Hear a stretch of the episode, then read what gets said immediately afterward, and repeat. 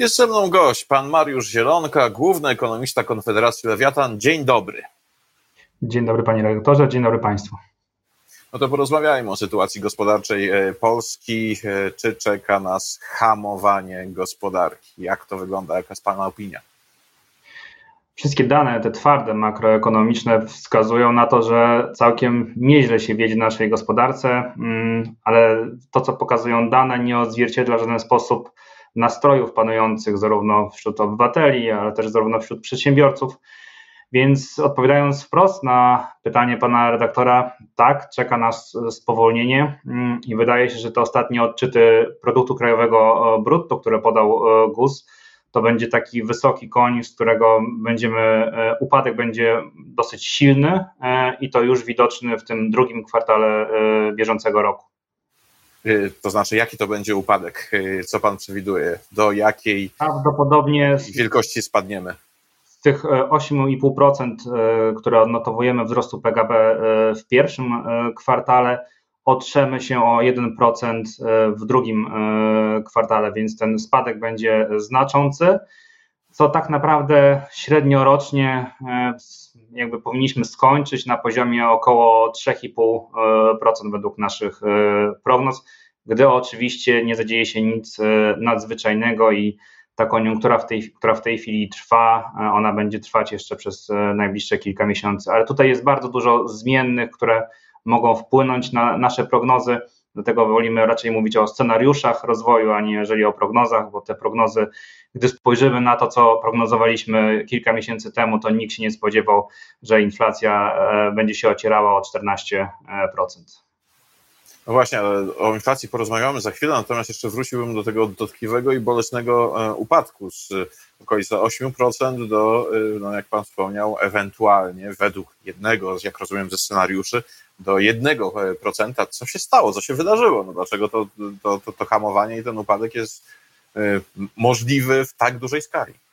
Wydaje się, że ten wzrost 8% e, w pierwszym kwartale jest bardzo e, oparty na bardzo nietrwałych e, podstawach. Przede wszystkim zadziwiająco, i to było już widoczne w poprzednich kwartałach, gromadzimy zapasy. Przedsiębiorstwa gromadzą zapasy, zachowują się bardzo pragmatycznie i w tej chwili przy bardzo ograniczonych dostawach różnego rodzaju towarów i ich cenach będziemy bardzo silnie schodzili z tych zapasów, czyli ten czynnik akumulacji e, brutto w naszym PKB będzie po prostu e, spadał. Będzie też spadało spożycie indywidualne, mimo wszystko, mimo tego, że rząd robi bardzo dużo, żeby nie spadało, to ono wydaje się, że będzie spadać, ponieważ obywatele czują, że w ich kieszeniach jest coraz mniej i na coraz mniej mogą sobie pozwolić, więc zamiast o wakacjach za granicą będą raczej myśleli o tym, żeby spłacić E, ratę mm, kredytu. Podobnie będzie kontynuowany negatywny wpływ e, naszego przewagi importu e, nad eksportem. To będzie kilka czynników, które wpłyną po prostu na tak silny, na tak silny spadek według mnie produktu krajowego brutto w tym drugim kwartale. A jak będzie się kształtowała sytuacja, jeżeli chodzi o rynek pracy i bezrobocie? Nasz rynek pracy jest e, w zasadzie bardzo silny mm, i to pokazują dane, e, tak naprawdę to, co, e, to, co pokazują dane z urzędów pracy, prawdopodobnie trochę zawyżone o, tych, o te osoby, które rejestrują się tylko i wyłącznie po ubezpieczenia zdrowotne. Wydaje się, że w tej chwili ocieramy się o, o poziom takiego bezrobocia naturalnego, czyli wszyscy ci, co chcieli znaleźć pracę, ją znaleźli i mogą ją znaleźć ewentualnie jak e, mm, intensywnie jej e, poszukają.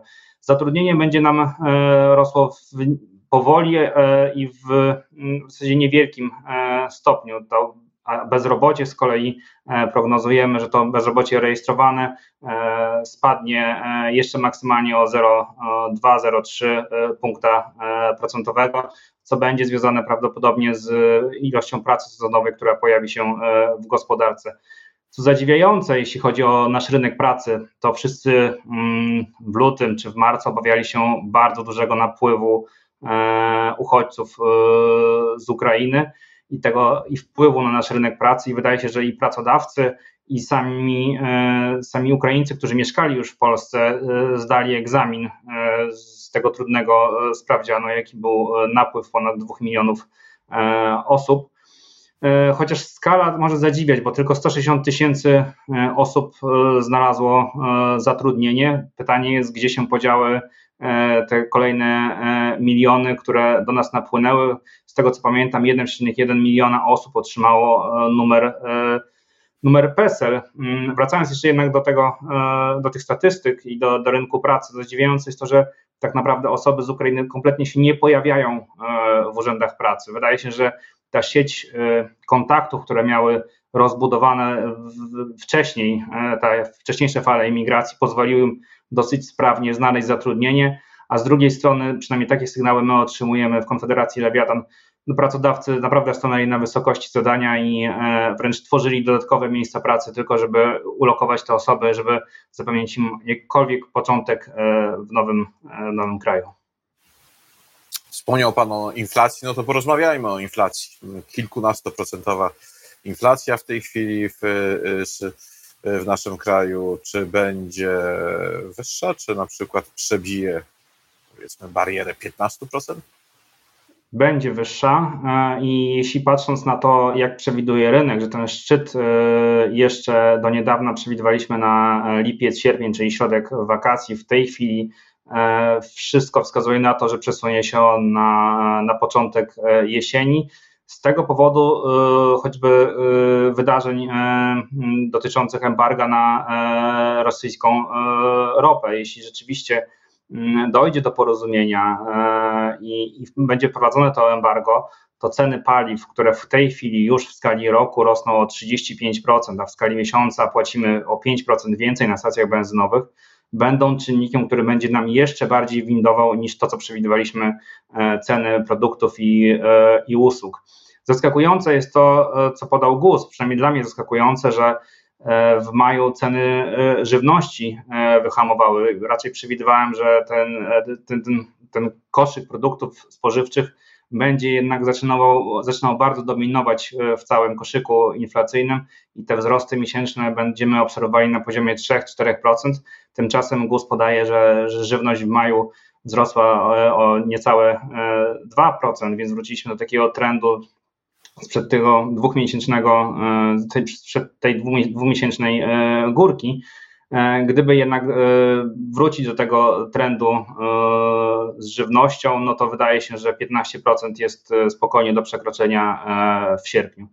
Także czeka nas jeszcze większe zaciskanie pasa, ale też trzeba pamiętać o tym, że czeka nas, e, nie tylko Polaków to czeka, bo tak naprawdę cała Europa w tej chwili zmaga się z, z bardzo wysokimi poziomami inflacji.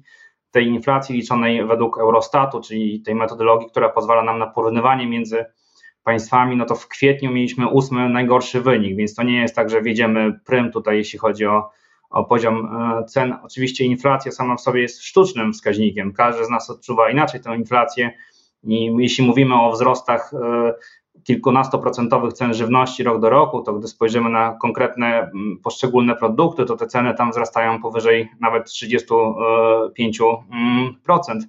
Więc ta inflacja jest odczuwalna inaczej, ale dla samych celów statystycznych no, wydaje się, że cała Europa będzie się zmagać e, z tym problemem inflacji jeszcze przez najbliższe, wydaje się, że dwa lata. E, co ciekawe, nie pomagają w żaden sposób e, działania Rady Polityki Pieniężnej Narodowego Banku Polskiego, który wiemy zaczął ten e, rajd podwyżkowy stóp procentowych e, na jesieni poprzedniego roku. Mm, gdybyśmy byli w normalnym cyklu koniunktury, wydaje się, że to już powinno, te podwyżki z jesieni powinny w jakikolwiek sposób działać, co pokazuje dwie rzeczy. Przede wszystkim tą, że, mm, że w tej chwili ta inflacja jest praktycznie niezależna i niewzruszalna, jeśli chodzi o działania zapobiegającej dalszemu e, wzrostowi, a z drugiej strony mamy absolutnie w kontrze politykę rządu, który uruchamia kolejne działania proinflacyjne. Już nawet e, sam Narodowy Bank Polski, co chyba miało wpływ na to e, wybór starego, nowego prezesa Narodowego Banku Polskiego, zauważa, że te działania jakby są przeciwwagą do, do tego, co robi Narodowy Bank Polski. Mówimy tutaj choćby o tej ustawie o pomocy kredytobiorcom, gdzie, mm, no, gdzie ewidentnie mm, NBP e, wszystko robi, żeby jak najmniej zostawało Polakom w kieszeni, co może brzmi brutalnie, a z drugiej strony rząd wychodzi i mówi spokojnie, my wam pozwolimy jednak pomyśleć o tych wakacjach i, i innych zakupach, które realizujecie jeszcze przez najbliższy czas. Więc takie działania Mm, kompletnie nieskorelowane, no, wydają się po prostu e, dziwaczne, choć ja rozumiem ich e, populistyczny cel. Tak jest. Na koniec zapytam o rzecz następującą. No, wielką wadą polskiej gospodarki jest niski poziom inwestycji, zwłaszcza firm prywatnych. Dlaczego firmy nie chcą inwestować? No w tej chwili absolutnie to się ładnie w ekonomii nazywa, nie mamy e, sentymentu e, do inwestycji. Z jednej strony nie jesteśmy w stanie przyciągnąć e, zagranicznych inwestorów, bo Polska poprzez bliskość wojny, ale też działania, jeśli chodzi o legislację, mm, zniechęciła zagranicznych inwestorów do, do podejmowania inwestycji. E, z drugiej strony mamy absolutnie wysokie ceny e, producenckie, tak zwane hurtowe, nazwijmy je umownie, więc jakiekolwiek rozpoczynanie inwestycji w tej chwili jest obarczone bardzo dużym e, ryzykiem tego, że ta inwestycja się po prostu finansowo nie zepnie. No i w zasadzie to są dwa takie główne i poważne czynniki, które w tej chwili wpływają na ten sentyment i chęci inwestorów do, do inwestowania. E, mamy jeszcze na tapecie jedną rzecz, która mogłaby w jakikolwiek sposób pomóc. E, mówimy tutaj o e, Krajowym Programie Odbudowy. On nie pomoże w tej chwili, mówimy o tych działaniach, które są zaplanowane w KPO. On w tej chwili nie pomoże w krótkim terminie, no jednak w długim terminie te inwestycje powinny odbić dzięki realizacji tym, tym przedsięwzięciom, które są przewidziane i miejmy nadzieję, że będą realizowane. A proszę mi powiedzieć, nie, nie wymienił Pan wśród tych czynników no, takiej niepewności instytucjonalnej, nie wiem, dotyczącej e, kwestii podatków, dotyczącej kwestii, kwestii no, chociażby sprawności e, i, że tak to określę, rzetelności sądów i tak dalej. Dlaczego uważa Pan to za te czynniki nieistotne? Wymieniłem je tylko pod nazwą e, legislacyjnego e, bałaganu, e, który, który tworzymy i tej niestabilności prawa, no ale to jest czynnik, który w zasadzie od 6 lat towarzyszy nam codziennie i wydaje się, że inwestorzy zdążyli już się przyzwyczaić do tego, że to prawo w Polsce jest ostatnimi czasy pisane na kolanie i w sposób chaotyczny, nieprzewidziany i nieskoordynowany. Ten czynnik cały czas wpływa i on będzie cały czas wpływał, no mówię, nie nazwałem go e, wprost, e, być może e, powinienem... Teraz już wszystko jasne. Tak. Teraz już wszystko jasne. No cóż, no rzeczywiście od sześciu lat żyjemy w rzeczywistości, która no, nie sprzyja, powiedziałbym, spokojnemu i stabilnemu prowadzeniu biznesu właśnie od tej strony legislacyjnej, prawnej, podatkowej. Niestety. Bardzo dziękuję za rozmowę. Moim gościem był pan Mariusz Zielonka, główny ekonomista Konfederacji Lewiatan. Jeszcze raz dziękuję. Dziękuję bardzo.